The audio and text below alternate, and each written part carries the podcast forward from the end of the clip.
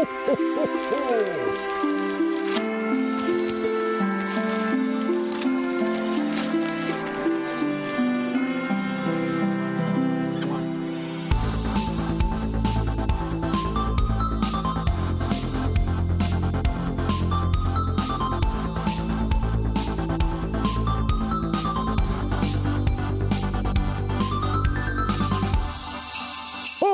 ho, ho. Hallå där och välkomna till Nördlivs julavsnitt. Ja, det, är ju, det är ju början av december. Eh, varför inte sitta här med mysnorsken, a.k.a. Danny och jag Fredrik och eh, kanske fokusera lite på just eh, prylar för en gångs skull. Det är inte ofta vi gör det. Jag menar, vi har precis kommit in i juletider och vad är då bättre än ett gäng sköna tips för den mer teknik och eller tillbehörsintresserade. Och eh, jag tänker tanken är lite att ge er ett antal tips i diverse olika kategorier. Där vi inte bara pratar om varför dessa eh, prylar står ut för oss personligen, men också varför de kan vara bra alternativ som julklappar. Sen att alla goda tips både under, sen är de här tipsen tror jag bra även under och efter julen, så det gör det hela bara bättre tycker jag. Mm. Så att eh, vi kommer dela in det i, i tillbehör och lite hårdvara och lite så här podcasting och snedstreck streamingprylar och sen kanske lite blandat och sen snackar vi lite kring ämnena därefter.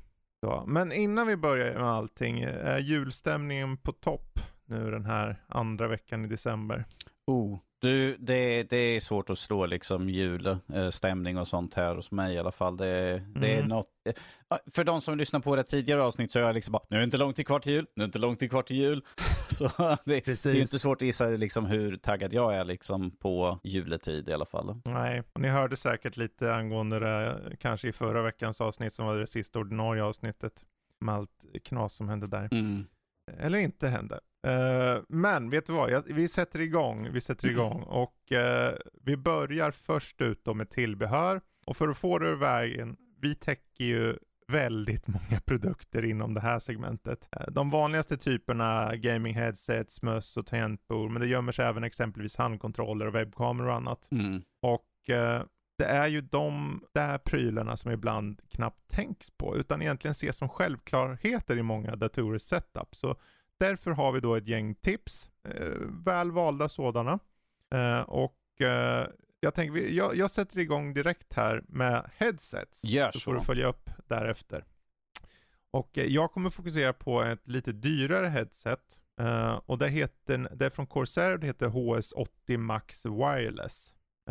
Och just det här headsetet, fördelen med det utöver att det är extremt bekvämt, jag sitter med det just nu. Men det är just att du får så mycket på en gång. Liksom. Du får eh, komforten uppenbarligen. Men du får också den här lä- lättillgängliga trådlösheten som bara med, med liksom en enkel eh, inkoppling via en dongel gör att du kan nås eh, omedelbums. Och sen är ljudkvaliteten riktigt bra, men om du vill även nå blåtand samtidigt och ta emot samtal och sånt, då går det också. Uh, så att jag tycker det just det är ett sånt komplett headset uh, på många sätt och vis. Och mikrofonljud, is, eller hur mikrofonkvaliteten är, är överraskande ren för att vara ett headset liksom också. Uh, skulle det vara någonting jag säger, men det här kanske man skulle kunna fixa och dona med väl, ja, det är att det har i mjukvaran några så här lite mer gimmickartade aspekter som att den kan läsa av uh, hur du hör och sen så anpassar en EQ-profil ut efter dina öron. Men det finns för förgjorda profiler där också. Så att, jag vet inte, det, det är ett väldigt bra paket uh, för den som vill ha ett uh, trådlöst headset och då med adderingen Dolby Atmos och en uh, batteritid som, om inte jag missminner mig här nu, ganska schysst ändå. Jag tror den ligger på runt 30-40 timmar. Till och med mer, runt 65 timmar om du kör, för den har en liten, liten RGB eh, på sidan. Mm. Om du stänger av det så kan du få runt 65 timmar. Givetvis om du kör med bara blåtand, då är det dubbelt så mycket. Men jag, jag utgår lite från att det här används som ett datorheadset. Prismässigt ligger mellan 2000 till 2200 kronor. Så det är lite dyrare, men å andra sidan är det gjort för att hålla länge. Ger bra kvalitet i, i ljudet. Och det är eh, en riktig favorit bland de jag har testat i år. Så att eh, där har vi den. Det är då alltså återigen Corsairs eh, HS80 Max Wireless. Mm. Har, har du någon headset du känner ett bra julklappstips? Ja. Framförallt ett bra för året. Liksom? Jag har två tips har jag i alla fall. Ehm, en Ja, Jag har fler också, ja, men jag, jag, tänker jag, ta jag i kan ta den, för, den ena först sådär och det här är lite grann en sån här klassiker i nyutgåva mer eller mindre. Det- Mm. Vi snackar HyperX och vi snackar Mm. HyperX Cloud 3 Wireless. Mm. Jag gjorde också eh, den vanliga trådade utgåvan och det enda egentligen jag hade som ett stort minus där var att "Ah, varför kan vi inte få det trådlöst? då? Va- vi- 2023, varför kan vi inte få trådlöst? Mm. Summa summarum, vi fick det trådlösa senare som de utannonserade inte långt efteråt och Ja, och de släpper ju alltid ett trådat Mm. och en trådlös version. Precis, och eh, utöver den klassiska komforten som alltid har en, tycker jag, lite synonymt med HyperX, för de har alltid varit jättesköna. Eh, bra kuddar, bra liksom huvudband, de är Mm. lätta och det är ett märke som de flesta känner till. Det, det är ett sånt här, vad ska jag ha för någonting? Ja, men Mm. HyperX, ja men det, det känner de flesta till på det sättet. Så den har ju liksom den här igenkännbarheten. Sen har vi också bra ljud. Eh, mikrofonen, ja, det är ju mikrofon och det är ju alltid någonting som kanske är en liten svagare biten enligt min åsikt sådär. Men Mm. att det, det, det är det. Sen tycker jag också om I sitt sammanhang i sitt sammanhang. okej. Precis. Fast problemet är mest att eh, det gäller att ha, hitta rätt plats att sätta mikrofonen mot ansiktet för den kan ha, ta Mm. upp lite sådana explosiva konsonantljud ibland. Ifall du har den liksom att den Mm. rutar in över munnen. Så att tips här, mikrofon, sätt den vid sidan av ansiktet riktat emot ansiktet. Så Mm. att luften som kommer ut när du talar inte går direkt på mikrofonen. Eh, Eh, något som jag tycker om är ju multiplattformstöd, eh, Mm. vilket alltid fram tack vare dongel, precis som du hade med ditt. Mm. Ehm, och sen, sen eh, en sak som också tycker är väldigt bra är batteritiden, precis som du nämnde. Den här har upp till 120 timmar Mm. eh, som du kan använda, vilket är väldigt skönt. Jag uppskattar det extremt mycket. Jag brukar använda det här headsetet för det mesta. eh, för att det har god batteritid, så jag behöver inte gå och ladda hela tiden. Tänka bara, ah, det har Mm. gått 12 timmar eller något så jättekort tid. Det kan gå flera veckor innan jag ens behöver ladda, så det tycker jag är väldigt skönt. Jag tycker också om att det är löstagbar mikrofon. För vanligtvis så kanske jag inte, ifall jag inte sitter på Discord och pratar med er andra, eh, så plockar jag bara av det när jag, när jag typ sitter och spelar i konsol eller Mm. något sånt där, vilket är skönt och inte ha en mikrofon som sticker in hela tiden. Så det varmt rekommenderad i alla fall. HyperX Cloud 3 Wireless. Vad ligger den i pris? I pris ligger den just nu strax över 2000 och kan sträcka sig upp Mm. till, som dyrast som jag eh, har ser här just nu, 2999. Men att det är en som sticker ut. Men annars är mellan 2100 och 2300. Mm. Ja, och vi kan ju slänga med tipset på den trådade versionen Den också. För ljud, ljudkvalitetsmässigt är den ju väldigt bra. Mm. Ehm, och, eh, men då får du, den är ju till ett billigare pris. Vad ligger den på i regel? Oj. För jag tänker det som eh, den har är att du bibehåller alla de här aspekterna med komforten och, och mikrofon och ljudbild och så. Och eh, det hänger till viss del på vilket ljudkort du har i din dator. Men numera så brukar de flesta ha en ganska bra, ett ganska bra inbyggt ljud. Så jag, ser, eh, jag ser att just nu så ligger den på runt 1300, den trådade. Mm, Så det, det är en klar skillnad där på prisbild i alla fall. precis. Eh, och du får ju exakt samma, lika god komfort, kvalitet, bra ljudbild där också. Det är bara Mm. att du får den trådlösande varianten, eh, beroende på om du är en som vill kanske kliva omkring medan du pratar med folk. Exakt. Mm. Vad var ditt andra headset då? Mitt andra headset är ett av de jag gjorde senast eh, här under året och det är SteelSeries Arctis Nova 7X Wireless.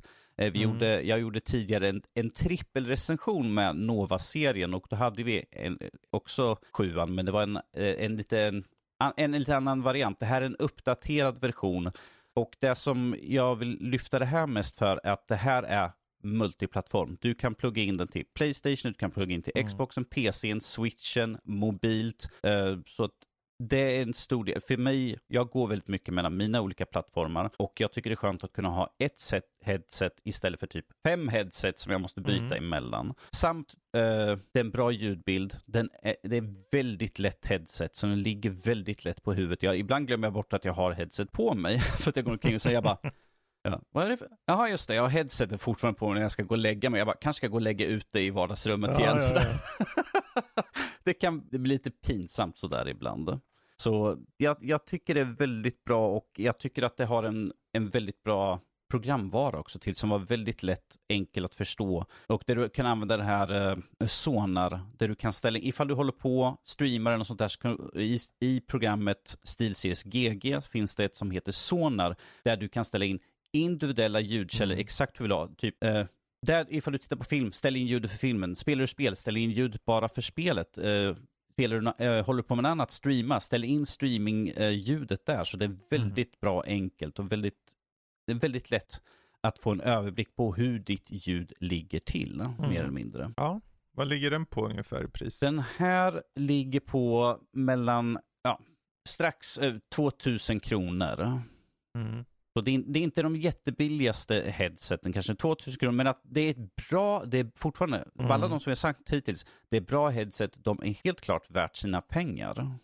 Verkligen, och det, det, det roliga här med, vi har ju då totalt tre tips då, Mm. eh, är ju att alla av de som vi tipsar främst om, vi kan, man- man, bonustipset är ju HyperX 3, eh, den trådade versionen. Mm. Eh, den, den, jag vet att den finns neråt tusenlappen och går att få tag på Mm. om du köper den svarta versionen. Så att den, den skiljer lite i pris till, eh, utifrån en helsvart eller en rödsvart. Mm.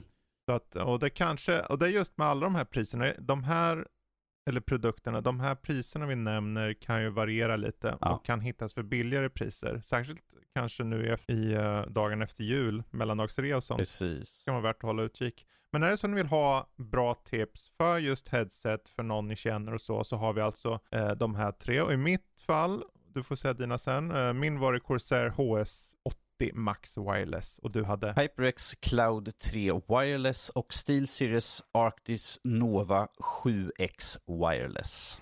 Mm. Det är munfull där, men eh, Ja, vi, vi kommer slänga med alla de här produkterna eller prylarna i, eh, i texten för avsnittet tänker jag. mm. Så att eh, om ni är nyfikna så kan ni se där. Kanske länkar också. Vi får se. Vi får ja, se. vi har ju länkar till recensionen, så varför inte? Ja. Men vi hoppar vidare till eh, annan typ av tillbehör och det är gamingmöss. Där har jag egentligen två stycken som jag har preppat. Eh, för möss så rekommenderar jag först och främst två möss ur Asus sortiment. Eh, det är Asus ROG Harp Ace Aim Lab Edition. Det är en, också en munfull. Mm. Och sen Asus ROG Gladius 3 Wireless Aim Port. Och eh, egentligen så, i och med att de kommer från lite som från samma familj, så får du samma typ av prestanda sett till eh, sensor och liknande. Och de är båda väldigt eh, trevliga på den nivån eh, med en väldigt precis eh, registrering av underlag och så. Jag, jag, jag märkte det när jag använde båda att jag blev direkt så här: okej nu vet jag, de här två är de jag vill tipsa om. Skillnaderna uppstår främst i storleken till viss del och vikt. Mhm. Den här Harp Ace Aim Lab Edition, den är eh, lite mer lägre och framförallt har en, har en lägre vikt då överlag. Och det är många som är vana vid det. Eh, det bör ju sägas att den är också trådlös då. Så att eh, du får då en mus med en upplösning på upp till 36 000 dpi och jag tror just den här musen, det är ju väldigt få förunnat att kunna använda så hög upplösning.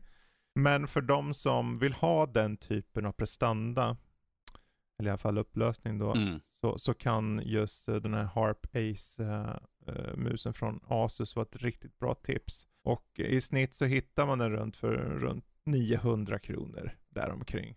800-900 kronor. Eh, till skillnad då från den Asus ROG Gladius 3, den trådlösa, nya versionen. Egentligen, det fanns ju en tidigare Gladius 3. De har ju hela tiden släppt Gladius som deras, vad ska man säga, eh, flaggskeppsmus på Mm. något sätt. Eh, den här har adderat in bara egentligen aimpoint i namnet. Och det, det för övrigt eh, hänvisar till den nya sensorn. Mm. Och det är därför den känns så himla nice att använda. Jag använder den just nu personligen för att just batteritiden som är på runt 100 timmar på en laddning märks att man inte behöver byta eller ladda upp den så ofta. Mm, jo.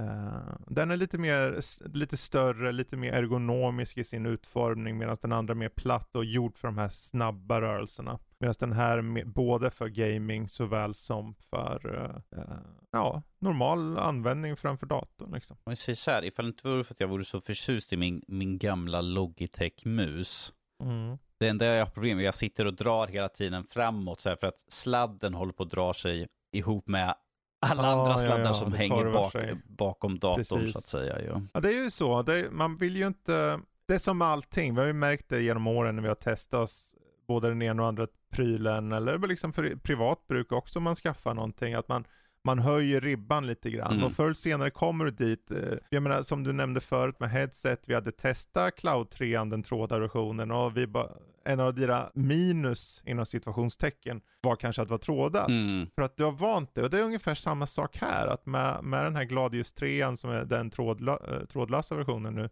så är det svårt att gå tillbaka till trådat när den är så exakt även i tr- trådlöst. Då. Ifall de släpper den här, min, en ny version av min Logitech, så där fast det är trådlöst, då kanske jag ska fundera på det. Mm. Eh, hur som haver, den här har samma upplösning upp till 36 000 dpi. Mm. Eh, båda de här mössen kör ju en polling rate på 1000 Hz. Så att det är inte att du får någon eh, mer precis eh, avläsning på underlaget. Det, vissa möss kan ju gå upp till 8000 men det är ganska krävande datorerna som de används på.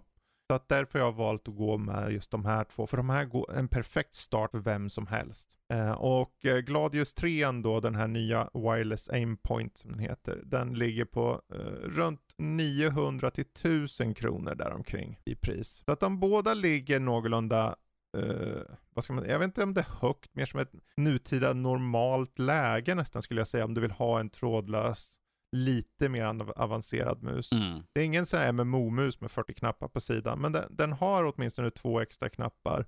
Eh, så att eh, det är en bra start. Så att eh, är det så ni vill ha några julklappstips för er uh, spelsugna, jag vet inte, brorsdotter eller barn eller vad det må vara, så är det då de här två mössen som är mi- mina tips. Mm. Återigen Asus ROG Harp Ace Aim Lab Edition och Asus ROG Gladius 3 Wireless Aim Point. Så hoppar vi vidare till eh, tangentbord. Mm. Klickety klickety klick. Klickety klick, klickety klick. Och du, det klickar på bra här kan jag lugnt säga. För det, jag har två tips. Mm. Eh, en är ju en väldigt ren tangentbord som, från Ducky. De som eh, spelar väldigt mycket, de känner kanske till Ducky som en av de här hardcore, eller hardcore, hardcore, lite mer så här, vi ska ha rent tangentbord, det är kompakt, det är inte några extra knappar eller någonting, det är liksom, det vet att det ska vara tangentbord och där var det är. Så Ducky One 3 Horizon är mitt tips. Och eh, fördelen med just, fördelen med just det här är att det är Cherry MX Red-brytare. Eh, vilket innebär att du har en väldigt tydlig accentuering i nedslagen. Alltså det känns verkligen, du får det där klicket som du sa förut. Mm. Kompakt form, alltså verkligen kompakt. Eh, det, har, det bjuder på RGB och allt det där, men det har ganska unikt utseende för det kommer nämligen ett gäng olika utförandesätt i färgkombinationer. Du kan variera upp det lite grann. Och eh, det kostar, trots att det har en väldigt hög prestanda, eh, så kostar det runt 1300 spänn ungefär, 13-1400. Det är inte så farligt. Nej, inte för vad du får liksom. Eh, och Ducky är ju som sagt ett ganska känt märke, så det kan vara att de kanske är lite snikna och ökar pris på grund av att de vet om sig själva lite grann. Eh, men det är ändå ett bra tips. Det andra tipset är ju det ett tangentbord som är mer gjort för de som vill verkligen få ut så mycket de bara kan. Så det är nästan lite over the top för exakt. Det heter Corsair K70 Max. Eh, de har egna brytare från Corsair som heter MGX-brytare och de är magnetiska brytare. Eh, och de här, till skillnad från det förra tangentbordet så är det här verkligen mycket finlir på. Du kan nämligen justera eh, aktiveringspunkten. Och det betyder egentligen att när du trycker ner knappen ska du välja när den registrerar. Registrerar den 0,4 mm, alltså nästan ögonblickligen, eller vill du gå hela vägen ner? Eh, Kan, kan jag blåsa på tangentbordet och få ett epos skrivet? Lite så blir det. Lite så. Standard aktiveringspunkt är 2 mm, så det varierar mellan 0,4 till 3,6 mm. Och det, då tänker man, men kan, det är bara millimeter, kan inte påverka något. Men du vet, när du sitter och skriver och det går snabbt, eller du sitter i ett spel och vill ha de där kommandona Mm. ske snabbt som tusan, då gör det jättestor skillnad. Och lägg där till då att den även kommer med 8000 Hz i, high, i polling rate, vilket egentligen innebär att den är, eh, de här signalerna mellan dator och, eh, och tangentbord är snabbare, förenklat sett då. Men som allting, när det är väldigt mycket fin, finfina och eh, lullulliga saker i något så kostar det också mer. Den ligger på runt 2700-2800 kronor. Mm. Um, så att det, det, kostar lite, men om ni mot förmodan, ja men den här personen som jag känner som jag vill ge en present till, han, hon eller hen vill ha eh, någonting väldigt speciellt och kanske bara en present, om det nu är ett tangentbord, då är Corsair K70 Max ett jättebra förslag. Liksom. Jättebra ifall man tycker att de är så jävla... De dör hela tiden när de spelar Diablo 4. De, de är så långsamma att trycka liksom på hila. Ja, ifall precis. du ändrar liksom att det snabbare så att Ja. kanske han snabbare kan liksom trycka. Liksom Alltså där varje millimeter eller millisekund spelar roll, Mm. kanske mer i så här e-sport och liknande, då, då är den här bra. Men också på ett allmänt plan, för du kan ställa in oerhört mycket i Corsairs IQ-programvara. Um, för, utöver att det dessutom har mängder av dedikerade knappar och sånt, du kan liksom komma åt snabbknappar för, för ljudreglage och liknande utan att behöva liksom trycka in någon specialkombo med FN och plus ett och bla bla bla. Utan allting syns. Så att eh, där har du i alla fall mina två tips. Det är alltså då Ducky One 3 Horizon och Corsair K70 Max. Så tänker jag vi hoppar in på lite handkontroller och spelkontroll för mobiler. Vad vill du börja med Danny? Uh, jag kan börja med Razer Volurin V2, vilket jag gjorde Razer Wolverine V2 Chroma som är en Mm. Xbox-kontroll. Det skulle kunna beskrivas som en, en uh, elitkontroll mer eller mindre, för den har såna här extra knappar på baksidan och vi har Mm. samma sak här med Razer Wolverine V2, vilket är en Playstation-utgåva. Det är Playstation och PC och du får sex stycken extra knappar som du kan själv eh, gå in och ändra till precis vad du vill ha. Så till exempel, ja ah, men shit, jag, jag är så dålig på att byta liksom för att ladda om. Ja men sätt den på uta knappen. Heter den här Chroma sa du? Nej, den här heter V2 Pro. Chroma Pro, är ja. Xbox-versionen. Um, eh, det är en... Den är som sagt, även fast det är en Playstation så är det fortfarande med den klassiska Xbox-designen Mm. på. Så att den ligger bra i handen. Eh, den har sköna knappar. Väldigt bra re- responsiva. Eh, det som jag saknade dock var att den har ingen vibrationsfunktion överhuvudtaget. Mm. Vilket var för att den här är mer sett för eh, e-sportspelande mer eller mindre. Så att, och där de sa att ifall du har vibration kan det störa liksom när du siktar eller något sånt där. Att du blir lite grann ur zonen kanske, att det vibrerar hela tiden när Mm. man försöker skjuta. Men efter ett tag var det ingenting jag tänkte på. Man är ju van att det, att det vibrerar hela tiden när man spelar någonting sådär.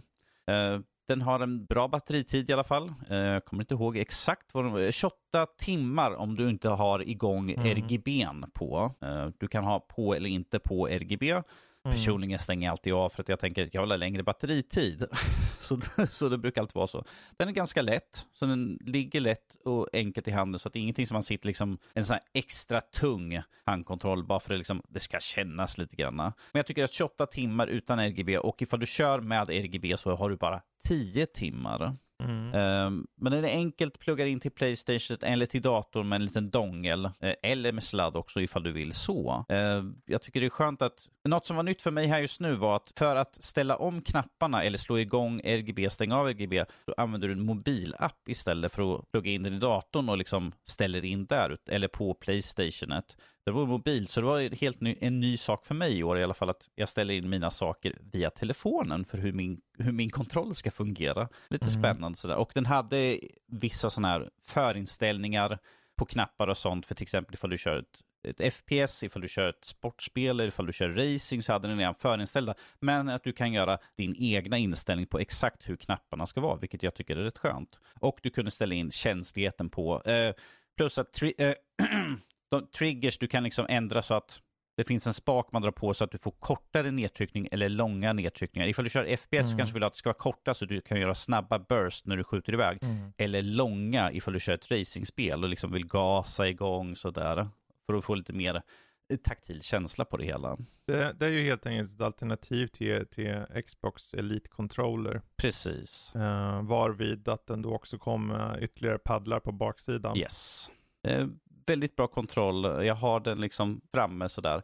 Eh, det största problemet just nu är priset för den. Eh, den ligger runt, just nu, de, det är en väldigt stor variation på priser, men att Mm. priserna just nu i, i inspelande stund ligger med 2 500 upp till 3 800. Så det är en stor Mm. variation, men att mellanskick... Standardpriset ligger på runt 3 och 1. Precis, 3 kan och man 1. säga, ordinarie. Men att det finns, som sagt, som vi sa förut, det kan finnas variationer. Du kan hitta den, Mm. som sagt, för 2 500 eller se en butik som har jättedyrt och fundera, hur tänkte de egentligen? Jag går till en annan affär istället.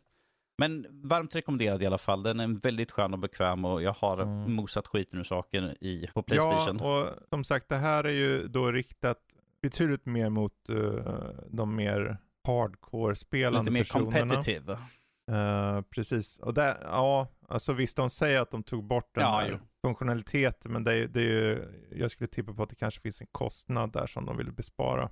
Sen så kan man ju säga att allting utan eh, Rumble är, men de, de som har kan ju stänga av Rumble ibland. Så att, men jag tänker just så som utformningen eh, Mm. så är den ju tacksam i det att den, den må ha den må kännas lite som Xbox, men den har en ganska egen design. Jag tror det jag slås av mest är att eh, varför den är som ett bra, ett bra jultips liksom, är att den känns väldigt unik. Den känns väldigt egen och det känns som att Razer Uh, har gått sin egen väg någonstans och uh, verkligen är på väg att hitta en, en egen nisch här som, som jag tror väldigt många kommer uppskatta. Mm. Eh, sen att man kan byta ut, för man kan byta ut tumspakar och liknande till olika liksom konkav och, Mm. Och liknande sånt också. Det finns all, allt det där som du finner i en Elite Controller finner du här fast med en betydligt mer eh, egen touch. Yes. Så att, eh, ett bra tips. Eh, sen har jag även, för dig som sitter och spelar mycket mobilspel, så har vi Backbone One Playstation Edition, den som vi fick till oss. Eh, och med, vad menas med att det här är Playstation Edition? Att den här är den som officiellt har stöd för att kunna spela Playstation på, när du kopplar in via dess programvara då mer eller mindre. Den har också eh, vit utförande så att det ser ut som Playstation och har Playstation-ikonerna på eh, knapparna sådär. Men den här finns både för eh, Android eller iOS, så du kan liksom välja antingen eller när du köper den. Gäller att kolla att du tar rätt så du inte får fel kontroll för fel mobil, vilket kan bli lite problematiskt. Så att säga. Men en enkel handkontroll där du helt enkelt, det ser ut som två halvor utan en handkontroll som du drar isär och sen skjuter du bara in mobilen där. Eh, något som är bra här är att de har gjort att det finns ett att när den pluggas in så finns det ett uttag på nederdelen av handkontrollen där du kan plugga in strömsladd eller hörlursuttag så att du inte liksom, jag kan bara spela x antal timmar in med telefonen död. Nej, du kan plugga in och eh, ladda den samtidigt, vilket jag ser som en stor fördel i alla fall. Eh, jag använder den här i recensionssyfte och jag satt och spelade väldigt mycket. Jag körde Xbox, jag körde Playstation och den var väldigt responsiv och bra så att på den biten funkar det bra. Eh, Det jag tyckte var att den kändes lite liten och jag har inte så stora händer. Jag tyckte den kändes lite liten i händerna så att man satt lite grann och Mm. kröp, kröp ihop med händerna lite grann bara för att liksom hålla den bra. Ja, den, den, den är ju gjort för kanske yngre då. Mm. Eh, och eh, det går ju lite hand i hand med att de flesta ungdomar har ju en telefon. Yes. Och eh, det är ju som när du sa där att den känns väldigt snabb eller att den registrerar snabbt. Det är ju då du syftar på att kopplingen du får mellan mobilen, för allas mobiler kan ju variera. Mm. Det är inte mobilens hastighet vad som visar på skärmen utan det är registreringen av dina rörelser som du syftar på. Precis. Och det sköts via blåtand då eller? Eh, ja, den, den kop- man kopplar ju upp det via appen. Du måste ha en app Mm. installerad för att du ska kunna använda handkontrollen. Men att det är väldigt enkelt. Ladda ner appen, log- eh, koppla den till eh, handkontrollen, så liksom kör man bara. Och Mm. du kan, genom den kan du komma åt ehm, Xbox, Playstation. Du kan visserligen du kan ju ta ner deras eh, eg- egna appar sådär, men att här får du liksom som en samlingsplats Mm. för allting. Eh, det, Det är smidigt. det är väldigt smidigt. Visst, den öppnar upp det andra programmet när du klickar på ikon där, men att du har allting samlat på ett, Mm. så du behöver bara starta upp en grej och sen startar du upp ändå, vilket som ju. Eh, Mm. Men jag tycker den är väldigt skön. Eh, för att vara så kompakt så är, är den väldigt så här enkel att ha med sig. Liksom, jag tycker om även Mm. utformning på den. Det är, det är ju inte utformning som jag är van vid att sitta när jag sitter och spelar vanligtvis. Då tumspakarna sitter på olika höjd, men att det blev rätt bekvämt när jag tänker på att det är liksom, jag sitter med mobil och spelar, så att då blir det liksom, ja men det är så här, nu behöver inte jag liksom låsa in mig på att hur jag sitter med handkontrollen för Xbox eller Playstation, utan det här är mobilspelande nu. Mm. Mm. Ja, och eh, värt att säga där att det finns ju modeller för antingen Android eller iPhone. Mm. Så se till att välja rätt modell. Precis. Vad ligger den på i snitt i pris då? Eh, i den ligger på runt tusenlappen. Mm. Det är ganska bra ändå. Det är ett bra pris eh, tycker jag. För, för vad du får i, i kvalitet. För det, den verkar ju vara väldigt eh, kvalitativ i sin konstruktion. Så. Mm.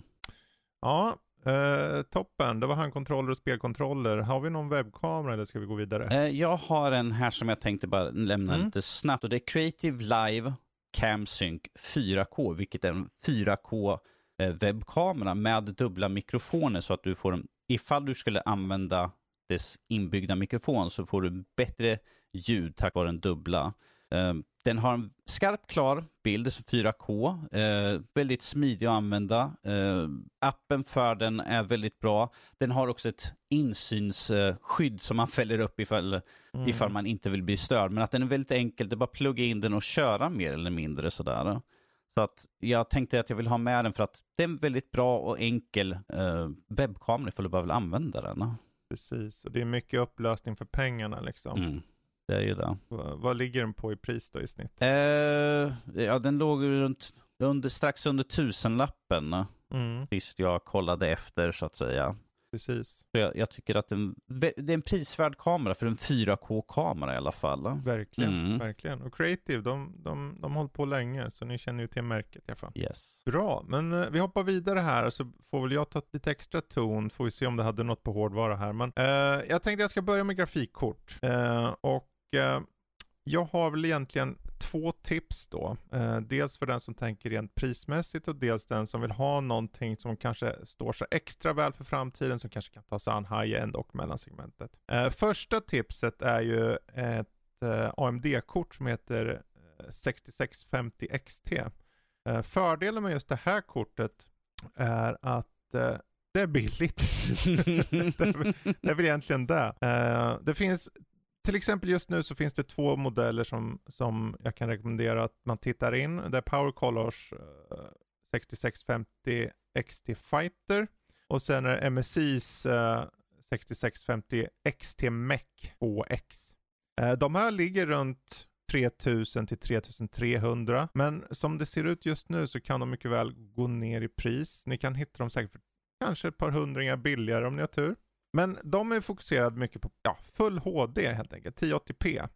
Eh, Men att du får i regel ganska bra prestanda för det. här. Du kan köra de flesta nya spel i, eh, i Ultra eller High utan problem med det här. Och, och då är det som sagt ett ganska prisvärt kort liksom. Så att eh, håll utkik efter 6650 XT från eh, AMD Radeon då. Eller AMD Radeon 6050 XT ska jag nog säga snarare. Mm. Sen har jag eh, ett annat tips är då kanske min personliga favorit eh, RTX 4070. De agerar lite som en mittpunkt mellan high-end och mellansegmentet. Mm. Eh, särskilt just nu när den kan hittas för runt 7 till 8000. Och eh, ser ni den för 10 000 då ska ni avvakta. Men runt 7200 har jag sett den för. Och det här kortet klarar 1440p upplösning och i många fall även 4K bra. Eh, men det, till, det ger även tillgång till DLSS 3 och DLSS 3.5 och det innebär förenklat då en uppskalningsteknik som finns i vissa spel där du kan få en högre bilduppdateringsfrekvens, alltså att det upplevs mer följsamt att spela. Men samtidigt som du bibehåller en god portion av det fina utseendet. Uh, på, på den här RX 6650 XT finns även uppskalningsteknik tillgänglig. FSR och XESS heter de för att vara exakt. Eh, Så det finns även möjlighet där. Dock är det här kortet mest fokuserat på 1080p och då om du uppskalar till 1080p så tar den från en mycket lägre upplösning så det blir, då kan det kännas mer grötigt. Tack och lov då att eh, det här kortet, eh, 4070, i regel fokuserar på 1440 eller till och med 4K och då skalar den ju från strax under där. I regel från 1080p och då ser det oftast ganska, ganska bra ut faktiskt. Eh, men de här två är i alla fall solklara tips från, från mig. Uh, min personliga favorit är ju RTX 4070. Uh, och då finns det till exempel Palit har ett som heter RTX 4070 Dual. Och sen så har vi Asus RTX 4070 Dual, så de båda heter så. Och det är de billigare korten då i serien. Eh, mycket riktigt, det är en slant. Så att man får väl tänka lite extra mycket. Men det finns en del tekniker som följer med just om den här serien som kan vara intressant. Eh, jag har inte ens nämnt Frame Generation till exempel som följer med på DLSS 3 där. Men eh, ja, där har du de tipsen. Så hoppar vi vidare till eh, ja, modekort. Mm. Jag har ganska få moderkort att tipsa om. Jag, man testat mycket, man arbetar, jag arbetar mycket med det och håller på och testar system och datorer och allt vad det är. Och, och vi får låna X hit och dit och allt vad det är. Mm. Så att, eh, men jag vill egentligen mest tipsa om Next, eller en ZXT då som överraskar mig ganska rejält eh, med sina försök i kategorin. Eh, de har ett AM5-moderkort som heter Next N7 B650E och sen så har de en LGA 1700 sockelmoderkort, alltså från Intel då som heter N7 Z790. Det som gör de här extra bra, förutom att de har en god mängd kylflänsar överallt, eh, för att lättare hålla ner temperaturer på M2 SSD-lagring, så är de framförallt användarvänliga och märkligt nog är utseendet väldigt bra. Ja, moderkort ska aldrig riktigt tänkas som någonting som är ute efter utseende, men här lyckas de ändå. Är den bra? Nej, men den är väldigt fin. Ja, den är både fin och bra. Um, för du kan till exempel på baksidan har du en snabbknapp för att uh, nollställa bios och liknande. Uh, och uh, det finns egentligen mängder av anslutningsmöjlighet. jag tänker inte lista hur många USB-porter det finns, men det finns väldigt många på båda de här korten. Och just den här nästan hutlösa mängden USB-portar, inbyggt wifi, PCI Express 5.0 support för både grafikkort och eh, en plats för, eh, för en M2 SSD innebär att du har stöd för framtida versioner av grafikkort och SSD. Det vill säga en mycket, mycket snabbare diskar om så önskas och vill i framtiden mm. uppgraderas till. Så att eh, just det parallellt med att det har ett ganska, jag skulle inte säga att det är hutlöst pris, men det är ganska högt pris på runt 3600. Men om man fokuserar på det som jag skulle rekommendera, så är det AMD-moderkortet som är NCXTs N7 B650E. Det kommer att ha stöd för processorer till 2025 och kanske därefter. Uh, och jag vet inte, det, det, är så mycket du får för pengarna. Så jag, jag, tycker ändå att om ni mot förmodan känner någon som vill uppgradera sin dator, kanske vill börja om på nytt och framförallt med AMD då är det det här moderkortet man ska hålla utkik efter. Um, de, de, har gått verkligen above and beyond i användarvänlighet, design och uppgraderingsmöjligheter, så jag tycker att priset håller där. Det är en bra fördel att det gör det. Ja. Mm. Uh, sista som jag har i alla fall på hårdvara är chassi. Mm. Uh, jag menar vissa söker ju ett nytt utseende på sin dator. Så här, och så, vissa kanske missuppfattar, ja, men chassit är väl datorn? Nej, det, det är ju bara det som håller komponenterna inne. Men det är ju så att det, det, blir mer och mer vanligt att man kanske vill visa upp sitt chassi, man kanske har det på bordet rent av, eller så att man bara gillar hur saker och ting ser ut. Vi har nått en sån punkt där allting inte bärsa lådor under bordet längre, utan folk vill visa upp det här. Uh, och jag har ju testat ett gäng chassis uh, och har egentligen en då som står ut extra mycket, som är min personliga favorit och även då tips. Uh, I alla fall om det är en mer uppseendeväckande och snygg design ni söker. Fractal Design North heter det. Mm. Uh, det må vara mer än unik då. Kanske rent av nischad. För det har en front i valnöt. En mörkt träfärgad nyans. Äkta trä. Gör att den åtminstone ser cool ut. Riktigt cool. Uh, priset varierar mellan runt 13 1350 till 1500 kronor. Men du får inte bara en snygg design. Du får rymligt, ett ett väldigt rymligt chassi med bra kabelhantering under sidokåpan och ett väldigt bra luftflöde. Det följer till och med med två stycken 140 mm fläktar. Så att det är ett chassi som kommer hålla länge och väl. Och sen att det har den här extra uh, edgen i att det ser väldigt unikt ut och fräscht i en tid där alla ska vara så här. Antingen så är det metalliska vidunder eller plastiga eländen eller så är det bara eh, aluminium överallt. Så är det här väldigt eget. Mm. Så om ni har någon ni känner som vill uppgradera sitt chassi och vill ha en mer unik design, kolla då in Fractal Design North.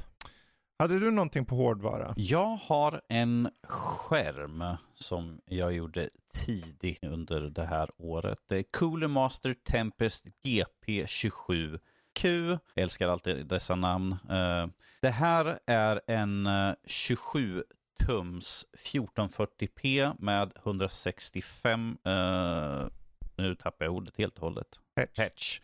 Uh, den Stor och bra skärm, mycket yta där ifall man vill ha, se lite grann. Något som föll mig mest i smaken när det kommer till den här skärmen, varför jag rekommenderar den starkt, är att den använder mini-LED eh, som skärmens upplysning här nu. Eh, och vad menar jag då? Mini-LED eh, är då över hela skärmen, så, eh, skärmen är uppdelad i 576 zoner, vilket gör att den kommer ge en mycket bättre färgåtergivning, mycket bättre svärta. Istället för att, eh, ifall du har vanlig LED, så är det färre zoner, vilket gör att det kanske inte blir lika bra svärta liksom på olika ställen, att den liksom ser lite grådaskig ut. Men tack vare att det är mini-LED så har du fler eh, punkter som kan stängas av, alltså LEDn som stängs av, vilket gör att det blir mörk färg när det ska vara mörkt, det blir ljus färg när den är igång. Eh, det här gör mm. att du får en väldigt bra eh, färgåtergivning och för mig som tycker om, eh, jag tittar på film där det är väldigt mycket så här, jag vill ha den bästa färgåtergivning, eller i spel. Är det ett mörkt spel så vill jag att det ska vara mörkt spel och inte grådaskigt. Mm. Uh, vilket tyvärr är på väldigt många skärmar att är det vanlig LED så blir det det. Eh, skulle man ha OLED eller något sånt där så är det bättre färgåtergivning för att det är OLED, men här är mini-LED tack vare de här zonerna som gör att du kommer få en bättre återgivning, eh, vilket kan vara en fördel ifall du till exempel jobbar eh, med bild bildarbete, eh, Photoshop eller sånt där så kan du få en väldigt bra mm. färgåtergivning. Tycker du om att spela spel kan du få en bra, eh, som till exempel Dead Space, som, eh, där spelet går väldigt mycket i mörk skugga, liksom vad finns runt omkring, mycket skuggor och sånt som arbetar rakt över hela brättet där, så är det skönt att ha att mörkt är mörkt och inte liksom en grådaskig. Mm. Uh, det är en bra skärm, den är enkel att tas med, den har LED på baksidan om man så vill. Uh, syns ju inte så mycket på baksidan, men att det, ifall du har skärmen stående mot väggen som jag har, så lyser den upp baksidan lite grann. Men att det är ju en smaksak helt enkelt sådär. Um, något som inte kanske imponerar var högtalarna. De har två stycken i sig och de är väl, jag skrev som bäst godkänt. Det är väl ifall man mm. inte har något headset tillgängligt så kanske måste lyssna på någonting. Jag skulle inte rekommendera det, men att ja, man, man, man tar ja, vad man får. Ja, säga, det, det är ju skönt att det åtminstone ges valet, för de flesta köper ju inte en skärm för, för högtalarna ändå. Äh, nej. Men uh, att det finns med är ju egentligen inte så vanligt numera upplever det som. Så på ett sätt är det lite kul. Ja, det, det är lite grann som uh, en webbkamera som jag testade på. Den hade ingen mikrofon, vilket man har vant sig liksom att ja, men en webbkamera den har ju alltid mikrofon inbyggt i sig. Det hade mm. inte den här, vilket var liksom man bara, oh, okej. Okay. Uh, eh, väldigt bra, mycket bra inställningar så du kan liksom ställa in ljus, färg, och allt sånt där. Eh, ifall du sitter länge så kan du ställa på blå, sån här blå, blåljusreducering, vilket gör att ögonen inte blir lika uttröttade. Det är något jag använder väldigt ofta, för jag brukar sitta rätt sent mm. vid datorn sådär. Eh, den har också bra sån här betraktningsvinkel. Den upp, upp till mm. 178 grader, så du kan liksom stå nästan snett ifrån och, se, och få samma färgåtergivning som att du sitter precis framför den, vilket är också ett tecken på att det är en god skärm. Mm. Något som kanske inte går hem lika mycket, det är priset. Eh, och det ligger just nu på runt 5800 kronor. Det är ganska högt, men det, ja, det är en 27-tums 1440p-skärm. Ja, det, det är en IPS-skärm också. det är en IPS-skärm att, eh, också, precis. Så att jag, det här är ett ganska, det, jag tycker personligen, om, det, om du ändå lägger en slant på, skär, på skärm, mm. eh, då är det den här nivån du kommer hamna på. Ja. Med tanke på att den också kommer med, om jag inte är helt ute och cyklar, mängder av så här anslutningsmöjligheter också. Uh, yes, den har ganska bra. Den kommer med, den har en DisplayPort 1,4, två stycken HDMI 2.0, en USB-C, en USB-B version 3,2, mm. två stycken USB-A 3.2 och en 3,5 mm. Så är den väldigt Precis. god. Ja, när jag recenserade den så hade jag både Playstation och Xbox och datorn inkopplade samtidigt mm. på den. Och det där är ju något som många glömmer ibland. För just den där, om du nu har, om du känner någon som faktiskt spelar väldigt mycket och kanske har någon spelkonsol eller något, att kunna koppla in dem samtidigt bara med en snabb knapp på framsidan av skärmen, eh, eller på skärmen, bara byta mellan källorna är ju väldigt enkelt och gör att du inte behöver ha kanske en tv till i rummet eller något sånt, utan att du låter personen vara på en plats eh, mm. och sitta där liksom. Så att det är jättebra. Ja, faktiskt. väldigt smidig. Jag, jag, tog även och körde den ibland med eh, på högläge. Du kan vrida den liksom mm. 180 grader så att det var liksom högläge. Jag bara, gud, jag kan sitta och läsa i oändlighet liksom. En av våra recensioner fick jag liksom bara på skärmen rakt upp och ner, så jag bara, jag behöver inte scrolla någonting. Det är skönt det här. Men som sagt, ja. Pris... Har du vred på den i 90 ja, grader? 90 grader menar jag, precis. Så den var på hög, hög, högläge. Ja, precis. Den är upp och ner nu, Fredrik. Ja, nej, det är väldigt smidig, väldigt enkel att ha. Som sagt, det är typ mer eller mindre Ja. ett knapptryck för att byta då emellan plattformarna du vill använda. Så Ja, det just är det. väldigt smidigt. Ja, det, det, det är smidigt. Ja. Bra, men eh, jag kan avsluta med en sista, för jag kom på nu, jag har en till här. Eh, och det är ju lagring. Mm, just det. Och det är så här, det, mina två, jag, jag satt och klurade på just det här med lagring. Och lagring är alltså, jag syftar på hårddiskar, SSD eller då M2 SSD, NVMe som de kallas. Mm. Eh, och jag har två stycken som jag fann var väldigt självklara. Först har vi de som vill ha, köpa något billigt men vill ha mycket utrymme. Mm. Kingston, de har släppt en som heter NV2, ett M2 eh, SSD, Mm. en NVMe då.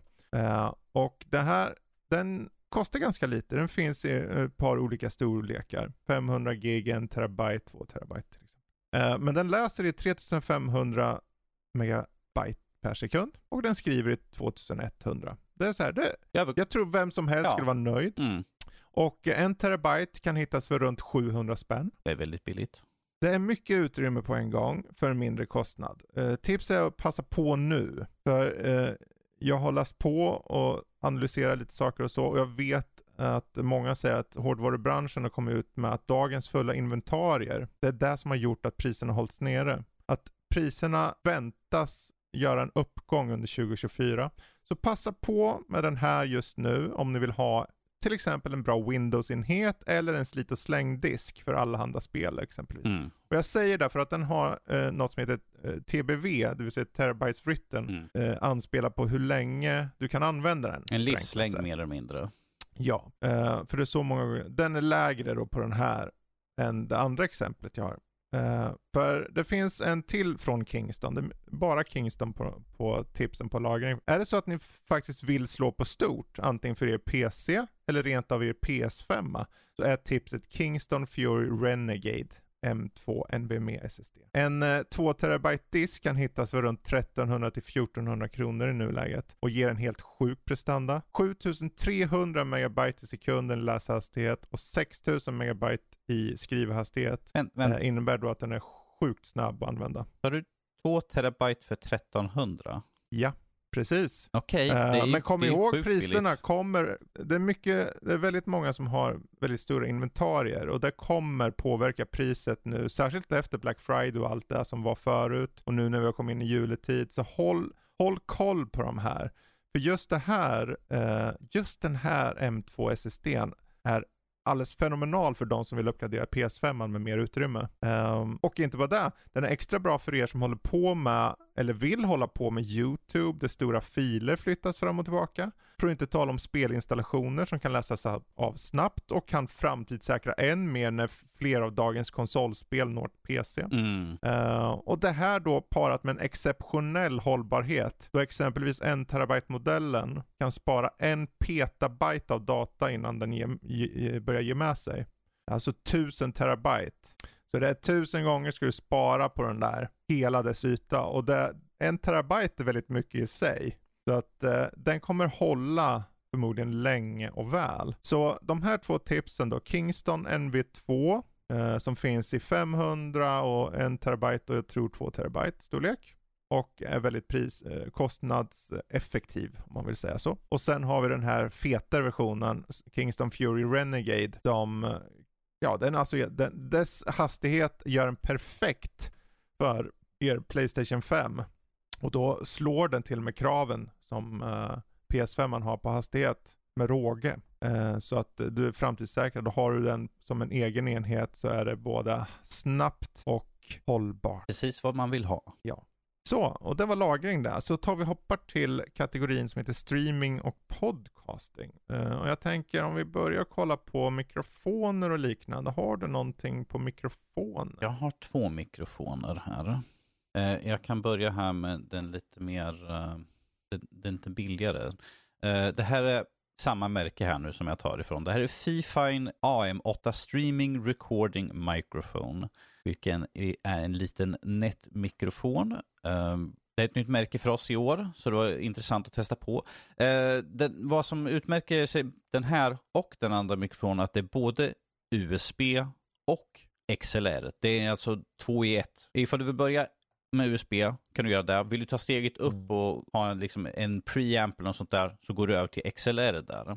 Eh, vilket är, Och preamp då förenklat är ju alltså en, ett, ett ljudgränssnitt. Du pluggar in det som en sån här studioutrustning Mm. varav XLR-kabeln kommer in i bilden. Yes. Medan USB är mer för vem som helst. Mm. Eh, varför jag vill lyfta den här, det här är en, sån här, en bra mikrofon ifall du vill börja med typ podcasta, streama eller vad, vad som helst, liksom du använder det talande ordet så att säga. Eftersom du har liksom möjligheten att börja med USB, vill du uppgradera så tar du XLR senare. För en väldigt ren och klar ljudbild på både USB och XLR. Det är inte mycket skillnad där. Det är kanske en liten lätt brusig eh, och lite rumskänsla på USB som jag märkt av under mina test i alla fall. Eh, det är plug and play. Du pluggar bara in och kör mer eller mindre ifall du kör USB. Det är väldigt enkelt och för priset du fick eh, låg på ru- runt sju- 700 kronor. Så är det Mm. väldigt prisvärd ifall du börjar och det är en bra ljudbild från Mm. start. Det är ingenting du behöver hålla på in och ändra och muckla runt i några inställningar och sånt där. Det är bra från start liksom där. Så det är väldigt, väldigt varmt rekommenderad där ifall du påbörjar.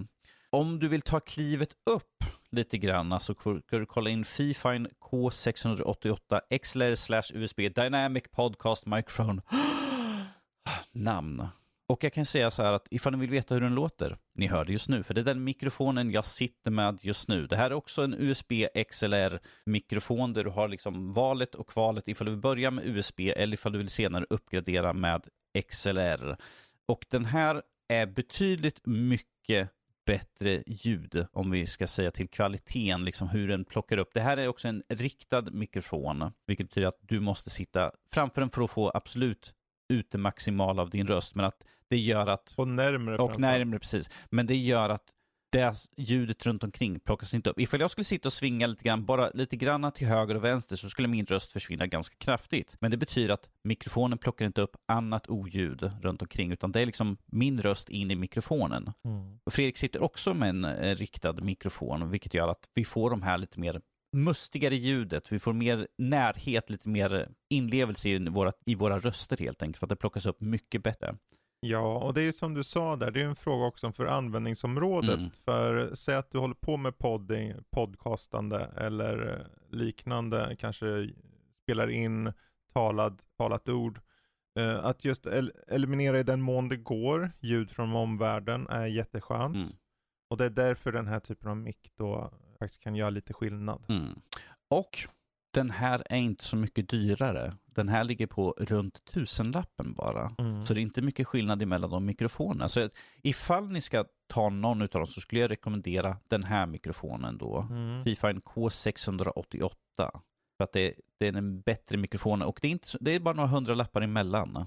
Ja, det, det bör ju förtydligas här att uh, i och med att det är, en annan, det är en annan typ av karaktär på den här dynamiska Mm. eh, än den andra så innebär det att användningsområdet för den, specifikt den här senare du nämnde, är mer för det talade ordet medan den andra har mer öppet upplägg. För att den kan du nämligen använda även väldigt, väldigt bra för sång. Mm. Eh, den har till och med en högre frekvensomfång så den klarar lite högre uh, hertzantal då. Eh, lite mer högre diskanter och liknande. Så att det, allting är också en, det är lite en fråga om användningsområde då. Men vi riktar oss ju egentligen mot, mer mot poddande och sånt och tycker sånt är kul och, och, och lyfta. Och, och då är det ju mycket riktigt som Danny säger att den här på, vad heter den? K688. är ju ett väldigt bra tips och framförallt jäkligt överkomligt pris. Yes. För en sån pass mick. Precis. Det är därför jag har gått över till den här micken permanent från min Mm. gamla mikrofon som jag hade i flera år. Precis, Mm. precis. Bra, men då har vi fått lite mickar. Har du något ytterligare eh, område där att ta upp? Jag har lite grann andra. Jag tar och flyttar den där ner till, till senare. Eh, jag har en, eh, en arm här. Det hoppas jag verkligen att du har. Jag, jag, jag har två armar, men jag har en eh, mikrofonarm. Eller det här är faktiskt tekniskt sett en multifunktionsarm. Det här är Streamplify Ah. Mount Arm heter den. Och det här är en arm där du kan ha mikrofon, du kan ha webbkamera, du kan plugga in olika saker helt enkelt. Ifall du, ifall du bara vill ha för webbkamera för att liksom vinkla och sätta den och så, kan du bara ha det. det Mm. Den här har flera olika eh, fästen beroende på vad du har. Vill du ha en webbkamera så finns det ett fäste där. Vill du ha en mobilkamera så finns det ett fäste för det också. Mikrofon, ja men det finns ett fäste för det också. Som sagt, ett multi, eh, multiplatt, eh, multiplattform, jösses, Jesus. En multifunktionsarm, vilket gör att du kan ha en ringlight också bakom eller sätta en webbkamera i en ringlight ovanpå på armen och sen Mm. kan du ha en mikrofon hängandes nedanför. Det, det är en väldigt bra arm här eh, där du kan liksom, beroende på vad du behöver den till helt enkelt. Webbkamera, ljussättning, mikrofon eller whatever du behöver det. det. Chansen finns att du kan använda den till det. Det är väldigt Mm. smidig sådär. Det, där jag hade gärna sett att den hade kanske varit lite längre. Den är inte den längsta armen. Men att sitt, har du den på skrivbordet så behöver du inte längre helt enkelt. Precis. Mm. Precis. Och jag har ju sett att den har funnits på, på, ned, på sänkt pris, eh, nedsatt pris på vissa ställen. Så att jag tror att ni kan nog komma över den för ganska billig summa, Mm. för runt 400. Ja. Även om normalpris är nog runt 600-650 spänn. Mm. Det, det är som sagt ett bra pris för en, en Mm. arm där du kan liksom an, använda till så många olika områden egentligen. Sådär. Precis, ha mobilen, få ljussättning och allt vad det heter. Precis. Ja, då så. Men eh, om vi toppar in på smart home och Jag, har, belysning. jag hade en sak till, Ja. till på. på Mikrofonarm? På, på, nej, det är inte en mikrofonarm. Det, det, är, en, det är en ljussättning. Ja, men för streaming. Det är ju det jag sa, smart home och belysning. Ah, ja, okej. Jag räknar till streaming. Ja, men det här, Ja, ja, är, okej. det här är under ah, streaming ja, podcast. okej, okej, okej, okej. Yes. ja, för då, det är ju, om vi ser till just det här med eh, hur det ser ut i folks hem och så, så har jag ett tips angående just hur man kanske lite lättare piffar till sin streamingmiljö eller kanske bara rummet i allmänhet. Eh, och vi har ju testat mängder av sådana här ARGB eller RGB ljusslingor eller saker du fäster upp på väggar och liksom alla möjliga typer av prylar. Men jag, jag vill ta hålla det någorlunda enkelt. Det finns från Twinkly, en, eh, det är alltså en tillverkare som heter Twinkly. De, de har ett, en ljusslinga som heter Flex. Och eh, det är egentligen då, många har ju sett de här ljusslingorna, numera blir det mer och mer vanligt och herregud, till och med Ikea säljer ju sånt. Mm. Men där den här står ut lite, att den är betydligt mer formbar eh, och kommer med små accessoarbitar som gör att du kan liksom fästa upp den på väggen i en viss böljande liksom form så att säga. Och utöver det så har den också en gäng zoner i själva belysningen, vilket egentligen innebär bara att du kan ha många färger samtidigt. För till skillnad från Ikea, då är det oftast liksom en slinga, en färg i taget på hela slingan. Mm. Här kan du på hela slingan ha, ja men här borta är det grönt och här är det rött och sådär. Eh, och eh, genom att sätta upp den då till exempel, kanske har en border runt en möbel eller längst ner bakom soffan för att få ett ljus som väller upp bakom soffan och ska, skapa lite av en ambians eller en atmosfär. Så är det faktiskt ett väldigt bra tips. Och den kommer också med en app, eh, Twinklys egna app, med vilken du tar egentligen, håller upp kameran på din mobil och fotar via appen så att den känner av, okej så ser det ut så, så som du har placerat den här ljusslingan. Och sen så kan den då skapa eh, symmetriska liksom, mönster som rör sig över det här oberoende på hur du har format det eh, i, i det fysiska. Mm. Så att det, det, det var en väldigt, väldigt skön eh, förenklad upplevelse som jag tror är bra för vem som helst som vill piffa till det lite där hemma. Det finns många sådana här produkter idag så det, det är väl det som gör det svårt egentligen. Uh, hur, hur, hur står den här över de andra? Jag tror bara den, överligga, den överliggande kvaliteten bara så, som gör att den står ut. Den kostar runt 600 till 700 kronor i butik. Uh, och ser ni för över det priset då kanske ni ska hålla på det lite. Men uh, jag, jag tycker ändå att det här, den här ljusslingan då, uh, Twinkly Flex, uh, bör kikas in. Och den går att addera även till Google Home-appen till exempel. Uh, uh, och där kan jag ge som ett tips utanför allt det här, oavsett vilken ljusutrustning ni använder. Om ni kollar på den här typen av produkt och dess inställningar, eh, eller vad den har stöd för framförallt, så brukar det alltid finnas stöd för Google Home. Och det innebär att ni kan föra in alla era olika tillverkare i en app och styra därigenom. Så att om ni mot förmodan, ja men den här var bra pris på det här märket och den här var bra pris på det här märket, då kan ni åtminstone ha allt i Google Home. Finns en motsvarighet även på iPhone. eh, som jag inte kommer ihåg namnet på. Mm. Men, så det var min lilla eh, tips där på just den där typen av smart home och eller belysning. Vad hade du för något då? Uh, jag har två stycken. Eh, uh, jag, jag kan ta den första som jag ville slänga in på streaming där. Uh, det, det här är också Streamplify. Den heter Glow Light 14, vilket mer eller mindre är en stor rund platta som är en ljuskälla som du använder till exempel ifall du streamar, du vill ha en rätt ljussättning så du inte sitter i skugga eller något sånt där. Fäster den på skrivbordet, du har en höj och sänkbar arm eller liksom ifall du vill sätta den längre bak. Mitt, jag har lite problem, mitt skrivbord står direkt mot väggen så jag har min sittandes direkt emot väggen så jag får väldigt kort avstånd vilket gör att ibland när jag slår igång den så blåser jag ut eh, webbkameran mer eller mindre och får ändra om den. Eh, men fördelen finns att den har fyra stycken olika färgtemperaturlägen ifall du vill ha en varm, en kall eller liksom en mellanfärg beroende på vad du har för stämning helt enkelt. Mm. Och du har då även 20 olika ljuslägen. Ifall jag vill ha starkt ljus, vill jag ha svagt ljus. Jag drar alltid ner till lägsta för annars ser jag ut som ett spöke. Den medföljer en, hang- en fjärrkontroll, vilket jag tycker är väldigt skönt för att annars måste jag klättra upp och börja pilla bakom eh, plattan så att säga och det blir lite problematiskt för mig. Men att den här använder jag nästan jämt när jag, vi sitter och pratar för jag tycker den är väldigt enkel. Det är som sagt väldigt enkelt att sätta upp den, det är väldigt enkelt att sitta och ändra på fjärrkontrollen liksom beroende på hur du vill ha ljussättningen. Så det är en väldigt enkel och den eh, ligger, eh, ska vi se, den ligger just nu runt omkring 1000 kronor, vilket är inte så jättefarligt. Det är en ganska stor som sagt, det är en 14, 14 det står ju 14 tums då.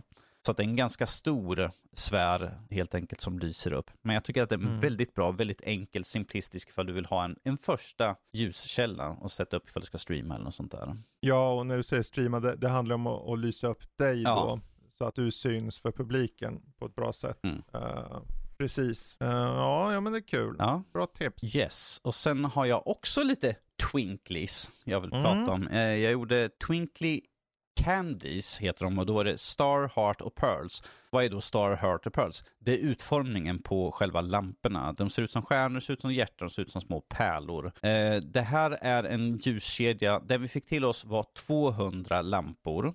Nu är det inte 200 lampor på en enda lång sladd, utan den här är uppdelad i två stycken sladdar som går ifrån kontrollpanelen. Så att du har mer valmöjlighet och liksom hur du vill sätta upp istället för bara yes.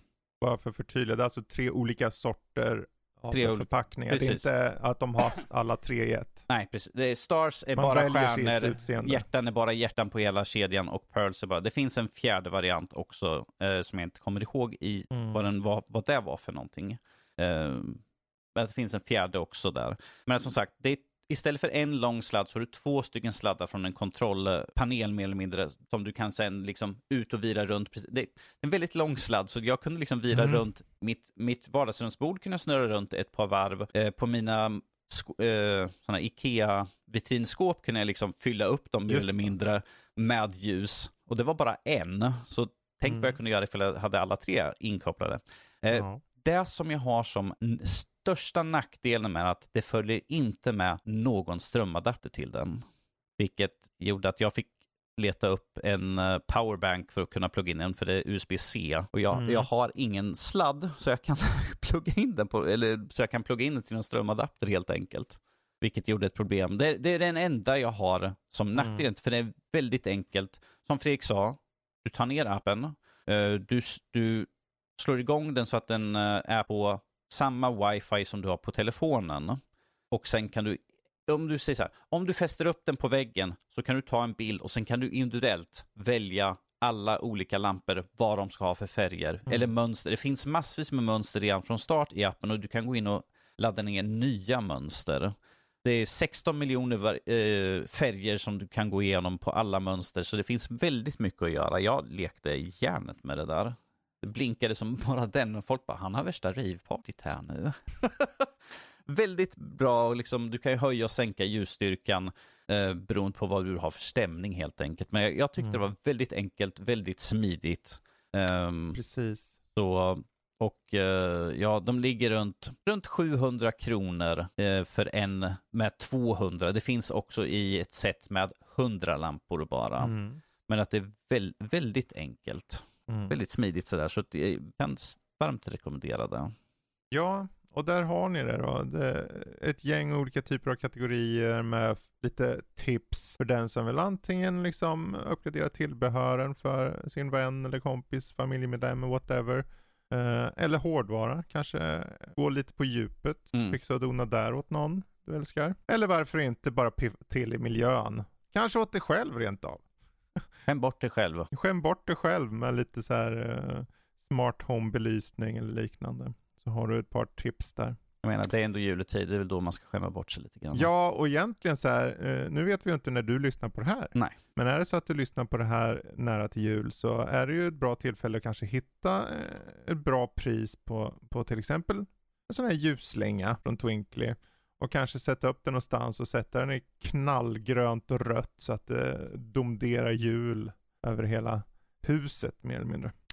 Um, men uh, så är det i alla fall. Där har vi i alla fall ett gäng tips. Jag tänker bara för att avsluta det här lite ska vi snacka lite allmänt kring just hur året har varit sett till prylsläpp och hur det har känts för oss. Men um, rent allmänt så, vad tycker du om just året i sin helhet? Finns det nå- ser du några trender av vad vi har täckt eller vad som har blivit större, större eller stort ute bland eh, användarna?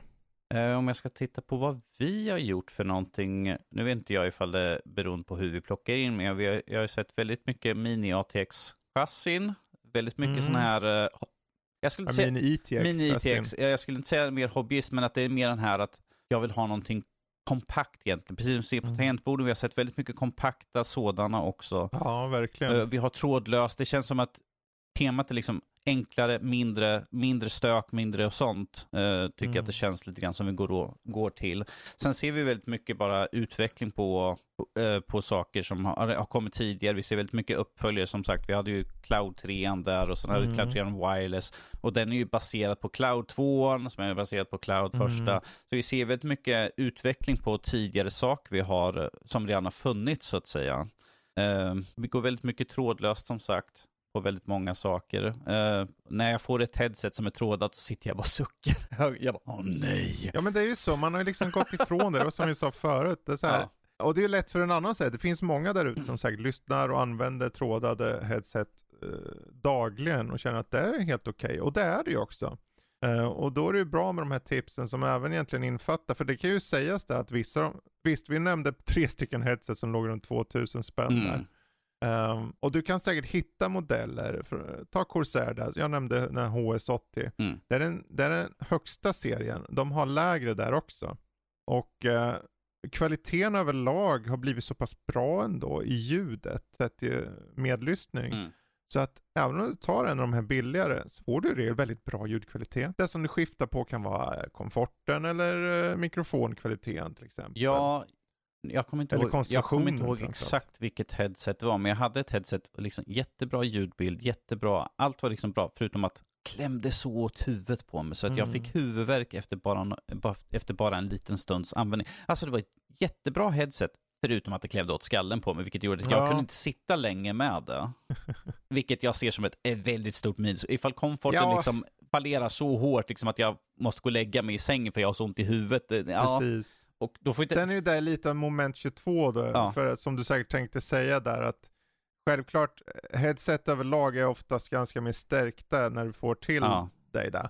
Så att efter en viss tids användning så kommer de alltid mjukas upp. Och, och sen är det också beroende på, har du stort eller litet huvud helt enkelt. Förvisso, Mm. förvisso. Men jag tror att med de, egentligen de flesta headset, om du använder det under en längre period så kommer de mjukas upp, de kommer bli bättre. Sen är det såklart en fråga om men hur sitter de just kring öronen, Mm. mm. som täcker och hela öronen och så. Uh, för on-ear headset till exempel, det, går inte, det har jag svårt att se många använda längre. När det har blivit så bra på alla andra fronter, när det ligger rakt på öronen, Mm. pressar. Ja, nej. Det, det är väl någonting vi inte ser så mycket. Ehm, ja, vad har vi mer sett för någonting under året som har varit? Ja, ifall, när- if, ifall vi tittar på saker som, eh, in, som vi har ju Playstation kommer med sin Playstation Portal. Mm. Det är väldigt mycket streaming. Vi har Steam-däcken som kommer med sin nya version. Så vi ser liksom att där att det är Mm. mer handhållet också sådär. I- Ja, eh, jag menar på, på den handhållna marknaden så har vi ju sett alla de här, eh, fetare versionerna, särskilt efter, jag tror Steam-däcken gjorde det acceptabelt för andra tillverkare att släppa. ROG Ally till exempel från Asus, Mm. handhållna, eh, hade ju bättre prestanda och så. Eh, den körde ju Windows till och med på den, så att du har bättre stöd för spel. Mm. Eh, men sen är det så här överlag just den marknaden, jag tror vi kommer se en större utveckling närmsta åren på just det. Och eh, Steam själva till exempel har ju sagt att nej, vi kommer inte påverka vår prestanda på enhet. Vi vill köra med det här ett tag och sen när det känns moget, då kommer vi göra en uppgradering. Men jag tror inte det är på, på dag, minst ett par år. Nej. Eh, och det är bra också, för det, gör, det är egentligen, det, det Steam-däcken har som främsta fördel är egentligen att eh, i och med att det är byggt på Linux och har det här eh, speciella gränssnittet så får det en konsolkänsla. Du liksom startar upp det och sen har en väldigt förenklad meny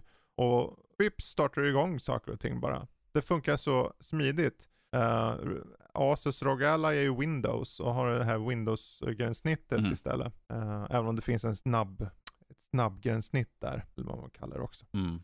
Men just den utvecklingen kommer vi nog se mer av. Precis, och vi ser ju att uh, lägsta nivån på till exempel headset går ju uppåt. Vi har ju, vi har ju gjort billigare headset sådär, även om de har haft det har alltid varit någonting som den har fallerat på, men att man ser liksom Mm. sakta men säkert att ljudbilderna blir bara bättre. Mikrof äh, mikrofon är väl det som alltid fallerar ifall det är trådlöst. Det brukar vara den där lite lätta, svaga. Det blir digitaliserat, digitaliserat. liksom. Även fast jag har haft head, något trådlöst headset som var, liksom- jag bara wow, det här är jättebra ljud för en för ett trådlöst Precis. headset med mikrofon. Det var någon du hade för ett tag sedan, du skulle testa någon och sen så började du prata och jag hade inte sett att du bytt. Jag bara, och sen sa du att det här är headsetet. Jag bara, va? Är det ett headset? Och det är så här, det är så kul att se att den utvecklingen, att vi har nått så långt. Ja, det, är still, det var SteelSeries eh, Ja. headsetet, Nova. Ja, okej. Ja, du ser, du ser. Eh, annars just trendmässigt, så här, vad jag, jag, jag är nog inne på samma spår som du, den här kompaktheten. Och det var kul du nämnde just de här mini ITX-chassierna. För även om det initialt var så här, om vi ska vara helt ärliga, sjukt, lite väl nördigt kanske. eh, sådär. Så är det idag blivit betydligt mer mainstream med väldigt många som använder dem där. För att man vill ha datorn på bordet, man vill att det ska vara enkelt att komma åt den. Eh, och just en, en större trend som egentligen inte bara för i år som har varit, utan de senaste åren är just det här med showcasandet.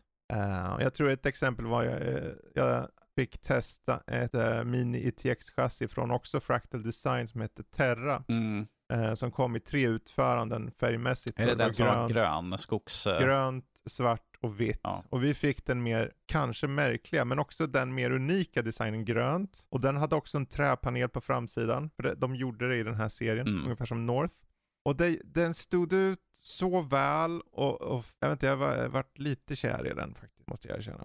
Och jag kan se framför mig väldigt många vill ha den här kompakta formfaktorn på bordet. Eh, för den, den må vara grön, men den hade inte någon så här, någon eh, sido skärm i härdat glas eller någonting, utan det var bara metall. Mm.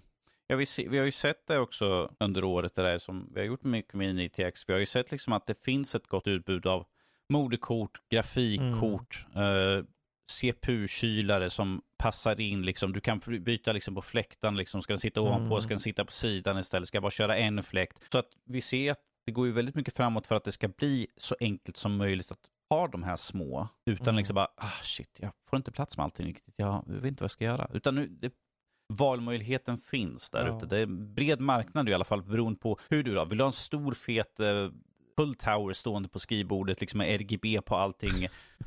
Det går. Vill du ha en liten, nätt liten sak som står där och bara Men det är liksom just det där, på? det är som jag sa där med showcasing. Mm. Det, jag tror många av de här chassierna, om vi håller oss till chassierna till att börja med, för det är lättast. Ja. i och med att Det är en produkt som i regel alltid, om vi ska vara helt ärliga, de flesta när jag växte upp, eller på 2000-talet så, då var det så här, men du hade chassit, men det var det sista du brydde dig Det om. var en plåtburk där du bara skulle stoppa det in var en allting. plåtburk. Jag menar, jag kommer, Men ihåg, det- jag kommer ihåg typ mitt första chassi, det var liksom ja, en plåtburk och det skallrade för att det var inte Mm. jättebra. Det var bara att du skulle ha, du Billig- skulle ha datorn liksom i. Liksom. Ja, precis. Medan det numera är så att nu går de in för att det ska visas upp och vara bra på samma gång. För förr var det lite så antingen eller. Antingen så fick du ett väldigt bra luftkonditionerat litet chassi som såg horribelt ut Mm. eller så fick det ett aningen snyggare som knappt kunde användas eh, utrymmesmässigt. Men idag så är det så här, bara en, ta en, jag säger, en, jag säger Next men jag menar NCXT. Eh, Next eh, chassis till exempel, de, de går väldigt mycket på stil men bibehåller luftflödet. Det är mycket. stil och funktionalitet i ett. liksom. Precis, och att, att de har nått dit är på grund av att hela den här, man kan ju tycka att chassis, det borde vara ganska nischat så vem bryr sig om det? Men det är så hård konkurrens där, så att de tvingas att ta fram nya koncept och bibehålla så god eh, Eh, luftflöde och, och tillgänglighet sett till hur, hur mycket utrymme du har och så. Det, det, det är nog en av de tråkigaste sakerna att läsa en recension, att, att det här är en jättebra sak, men att problemet att det här märket konkurrerar med sig själv. Att Mm. det de gör emellan den här och föregående version är så, så liten att Precis. varför köpa den här när du har den föregående som är nästan lika bra? För att de, Ja. det, det är illa när, när det är så hårt att de till och med konkurrerar med sig själva på vissa segment ju. Ja, sen är det såklart att på just på den marknaden så är det så pass hård konkurrens så att det finns de här, du har sett, du, ett chassi vars utseende ser, ser ut som det du alltid har sett. Liksom. Om det här, det här, är inte det här samma design som de har? Jo, de har snott det rakt av. Mm. Ifall, Eh. Ska man ha något som ser annorlunda så är det väl Alienware som man ska sikta på, för de, de ser ju så här futuristiska ut och så. Ja, jo, fast de, de har nog inga chassin. Ja. Det är fulla datorer. Men visst, de har lite. Men annars är det nog Fractal Design North och eh, Terra, med de här med lite träinslag. Ja. Eh, och Next då som sagt. Eh, annars så i övrigt, alla de här andra chassierna har vi sett egentligen, de är lite same same. Det är så här, ju, ju, ju mer ordinära de ser ut, desto billigare. Men då är de å andra sidan väldigt billiga. Att, eh, Mm. Och det är väl den trenden, att konkurrensen är så pass hård och det gäller alla områden. Det, det blir så hårt att det, det är till och med en fråga om hur många USB har den på fronten. Ja. Men just att konkurrensen är så hård så att det pressar alla tillverkare. Mm. Oavsett om det är moderkort eller processorkylare eller grafikkort. Eller ja, kanske inte grafikkort. Grafikkort ser vi tyvärr inte så pressande Men- på den trenden. Och det är samma sak på tillbehörssidan. Jag menar, om vi ser, som, som du var inne på, de här TKL-tangentborden, det vill säga de mer kompakta Ja. som inte har numpad-sektion. Det har ju blivit standard för väldigt många e-sportspelare till exempel. Mm. Att du, vill, du vill ha eh, tangentbordet placerat framför dig, du vill inte att det ska skjutas åt vänster. Liksom. Eh, Och kan ha musen och, rakt framför dig och händerna i, i rak linje. Och därför så har, har vi sett en oerhörd, en oerhörd stor mängd de, eh, mindre tangentbord. Ja, men det här är 65% av en ordinarie studio, det här är 85%, det här är bla bla bla bla. Men det är kul för det skapar variation. Nå- Något som är lite svårt att ha lite variation är ju mössen. Vi ser ju inte någon superutveckling på mössen. Det är väl polling rate och sånt som egentligen är det som, Ja. vi har högre polling rate, men att utöver det så designmässigt Konceptet är ju ganska satt. Precis. så, Det är, det, ju mer, det är ju, det är ju mer den här eh, estetik, är esti, estik, estetiken och liksom vad som finns inuti skalet så att Ja. säga. Ju. Ja, det, det är prestandan framför allt. Eh, om det inte rör sig om så här kombopaket när det är mus och tangentbord. Mm. Men, och det delas väl egentligen in i så här e-sportsmöss, gamingmöss, vanliga ordinära möss och MMO-möss typ. Mm. Och ju- trendmässigt där är egentligen lägre vikt. Det är så mycket, många möss, oavsett vilken av de här kategorierna, så har de siktat på att ha ju lägre vikt, lägre vikt, lägre vikt. Mm. Vill pressa det, de vill vara med som val för alla de som sitter där och kör de här matcherna och behöver gå snabbt fram. Ja, jag såg för någon, någon vecka sedan, då var det en variant på en mus vi har gjort, jag kommer inte ihåg namnet på den, men att den var nu en sån här att den var som utskuren, baksidan på den. Som så här eh, Perforerad perfor, perforerad. Mhm. Och det, jag tror den var bara 40 gram någonting. Mm. Och jag bara, det är ju ingenting.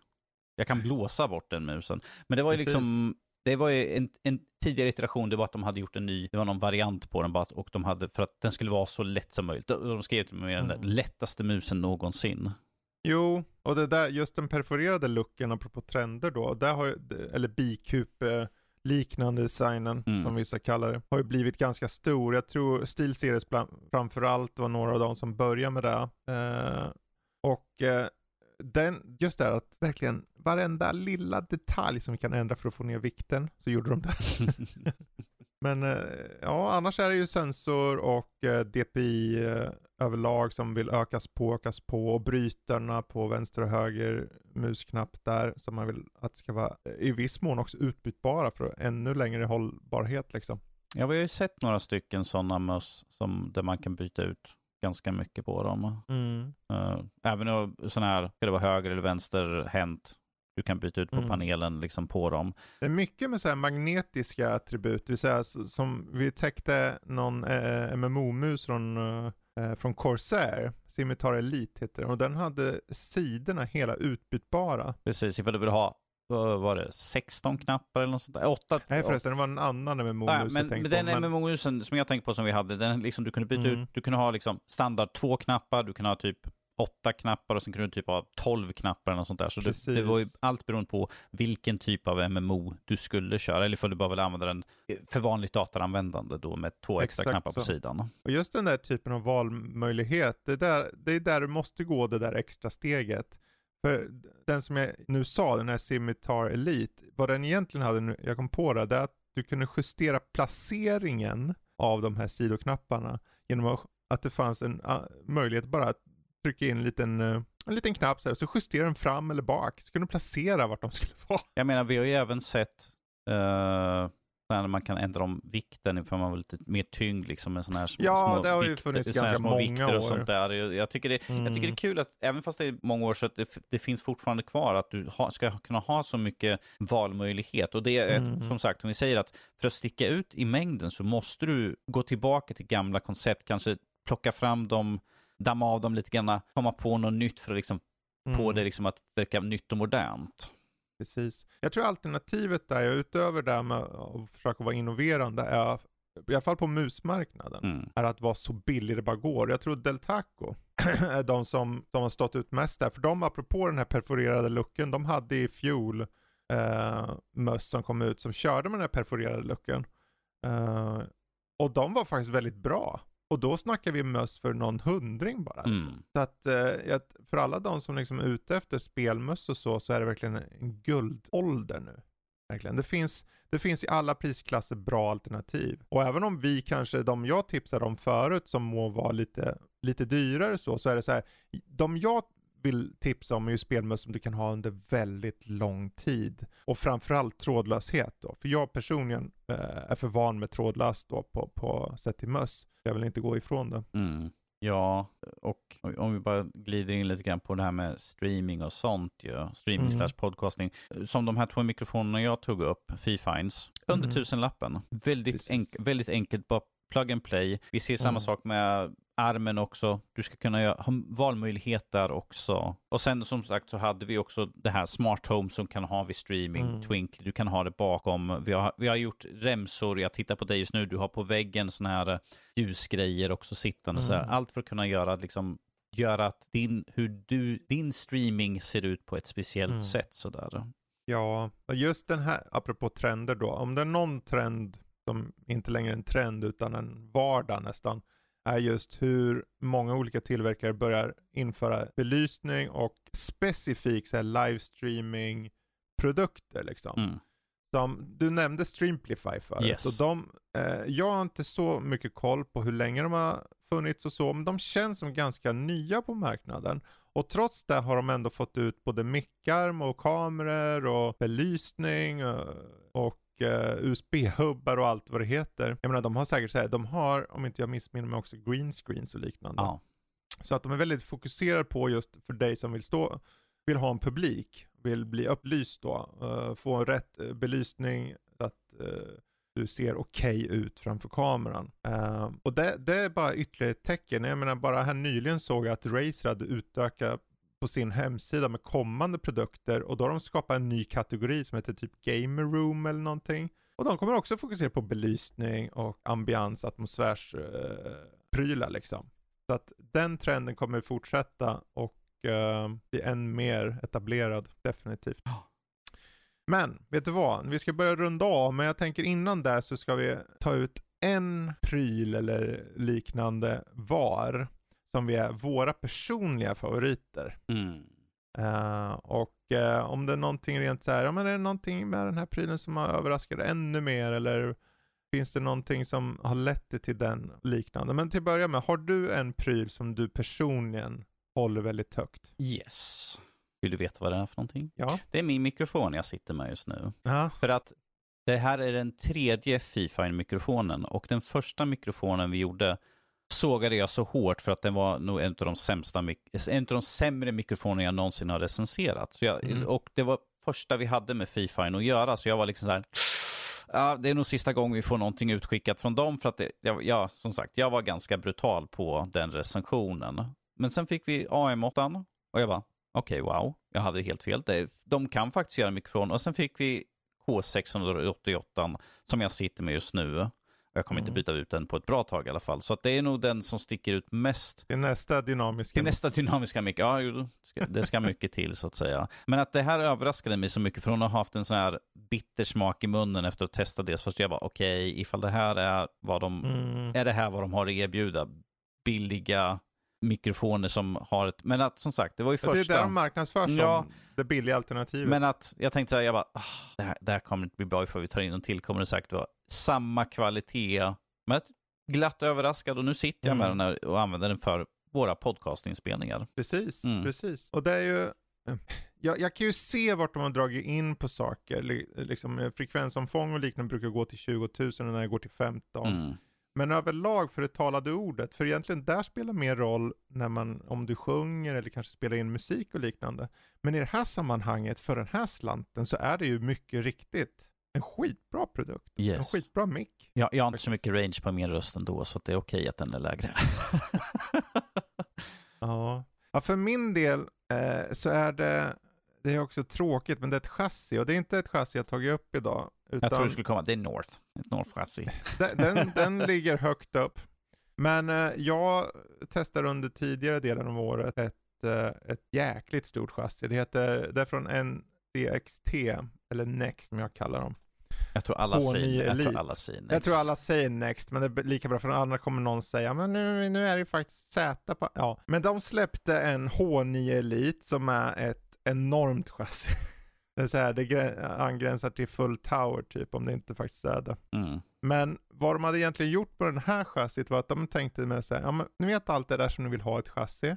Mm. Vi ska se till att ni får allt. Det, liksom, det kommer med en controllerkort så du kan koppla in, du behöver inte koppla in alla kablar rakt in på moderkort, har du slut på portar och grejer. Ta på den här kontrollen på sidan, för alltid den och så tar du bara en kabel till moderkortet, klart. Var, var det där chassit som du nästan fick plats med en unge i? Ja, Ja, typ så. okej. Men eh, det, det som det gör framförallt på grund av att det har så jäkla god eh, liksom, luftflöde med de tre sittande fläktarna och en väldigt unik design. För det är, väl, det är så här terrarie-liknande. Okej. Ehm, men nästan en, det är ett ultra showcase eh, chassi på något sätt. Så här. Det är liksom eh, framsidan och vänstersidan och eh, toppen är i glas. Mm. Och de går ihop sömlöst så att det blir som en, bara ett terrarium nästan så. Men det, trots det så har de liksom placerat fläktar och just att den har fler möjligheter till att föra in hur många fläktar som helst. Du kan bokstavligen ha typ två eller tre, jag tror det är två stycken 140 mm i botten och sen har du tre stycken på sidan och sen ytterligare i, i, i bakändan och du kan ha i en 360 mm radiator i toppen eller bara fläktar där också Alltså om du inte sugs in när du öppnar upp det så vet jag inte vad som är... Ja, man kan ha allt det. Jag har ju inte det, men man kan ha allt det. Så att, men det är sådär, de har inte dragit tillbaka på något med det här. De har verkligen, vi ska gå all in och allting ska vara så eh, anpassningsbart. Du kan liksom ta bort del för del och liksom, okej, jag behöver komma åt den saken. Men det går att nå. Du bara tar bort den här delen. Och det gör du med typ ett knapptryck. Mm. Så att eh, min personliga favorit är just den här Next eh, H9 Elite. Och det enda som den egentligen tappar på är priset. Men då är det också ett full tower, mer eller mindre. Ja, smakar så Och kostar det. Full Towers kostar runt 2000, 2-3 tusen. Mm. Och den ligger där omkring, runt 2-5 kan du hitta den för. Och jag tycker, jag menar, vad fan. Om du ändå ska fläska på utav helvete. då, då är det här helt fantastiskt. Det finns en mindre modell som heter H6 som kom här nyligen. Om man vill hitta en kompromiss i mid-tower-segmentet. Vi täckte den faktiskt här för ett tag sedan. Mm. Så att eh, den, den är nästan likadan sett till det visuella, bara mindre. Eh, sen ska du inte ha ett större, för då kan du ha in vilken jäkla vattenkylare som helst. den där. Sen ska jag ha ett ljudkort. Ett ljudkort, ja det är ljud. inga problem om du vill ha sådana här extra PCI-kort. Ja. Inte för jag vet vem som har ljudkort idag förstås. Det är ganska utdött. Men eh, vi får, det skulle vara kul att testa fler ljudkort faktiskt. Se om det har skett något där. Ja, Jag har ju testat externa ljudkort så att det, Mm. det, det, det är lite smidigare än att liksom in och slänga in någonting i datorn. Så, eh, eller du Ja. bara kan plugga in och ha den liggandes utanför. Ifall... Förvisso, fast å andra sidan, du pluggar bara in den i datorn och sen så går det. Det är inte som att du tar ut och Ja, in men jag tänker liksom, gör det så mycket skillnad att ha ett extra ljudkort egentligen så att säga? Om du har headset med trådat, då gör, kan du göra väldigt stor skillnad. Eh, men det är väl egentligen då, och det är inte alla som behöver det, eller bryr sig om det. De, de flesta, de tänker ju bara, ja men jag vill bara koppla in min, eh, min, eh, mitt headset och sen vara nöjd och bara lyssna på lite spel typ. Ja, jag, när jag tar och testar uh, trådade headset och plockar fram min Soundblaster externa ljudkort. Bara för att kunna se hur mycket skillnad gör det liksom. Precis. Men som sagt, inte så ofta jag har trådade. Då suckar Nej. jag fortfarande väldigt högt. Men sen plockar jag fram den här bara för att se skillnaden. Precis. Det är nästan så här, jag kan tänka mig att folk tänker, men det är nästan elitistiskt. Var- Det är inte alla som kan ha råd med de här trådlösa. Ja, det är sant. Men det är bra kvalitet på även om de trådade. Som, som Cloud 3 vi nämnde förut. Mm. Och det finns säkert många, det går, finns ju hur många som helst man kan ta upp. Men som ni märker nu, vi har ju gått igenom ett gäng olika kategorier av olika prylar och liknande. Och jag känner det, där har ni ett gäng tips inom tillbehör, hårdvara och streaming, podcasting och allt vad det heter. Då skulle ni mot förmodan känna att, eh, ja men, ah, jag vet inte vad jag ska köpa åt min kompis eller eh, barn eller eh, vad som helst. Då kan ni bara lyssna på det där och kolla i, eh, i eh, vad heter det, i texten här under eh, avsnittet. Precis. Vad heter det? Ja, i, i Description-rutan Description. fast på svenska. precis. Kolla bara i texten som står för det här inlägget så Ja, säga. så, så kommer jag lista några av de här och det går, eh, om det inte redan har släppt så kommer det komma lite mer omfattande artiklar kring just bra jultips på sajten också. Mm. Eh, de släpps antingen när ni, när ni hör det här så har det släppts, alternativt så släpps de om några dagar. Och de kommer innefatta en del ytterligare områden och eh, betydligt fler typer av produkter. Så det kan vara värt att hålla kik och hålla koll på hemsidan. Det skulle vara så att ni är ute efter lite fler tips kanske inom andra områden också. Mm. Bra, men vet du vad? Då ska vi ta och eh, börja lunka hemåt höll jag på att säga. Ta oss, eh, eh, ta på vår röda kostym och känna oss ännu mer juliga nu när vi har agerat, eh, vad- blir det, så här, jultipstomtar nästan. Tomtenissar. Tipsnisse. Tipsnissar, årets tipsnisse. Så länge inte vi är tipsy nisse. Nej, det, det kommer sen. Det kommer sen. Det kommer med Ja, starkluggen. sen. Men då så, då tackar vi alla er som har lyssnat. Eh, Jag tackar för mig, jag tackar Danny Men tack själv. och eh, ha nu en fortsatt trevlig jul. Så hörs vi igen om en vecka i något helt annat. Mm. Hej hej! Toodaloo.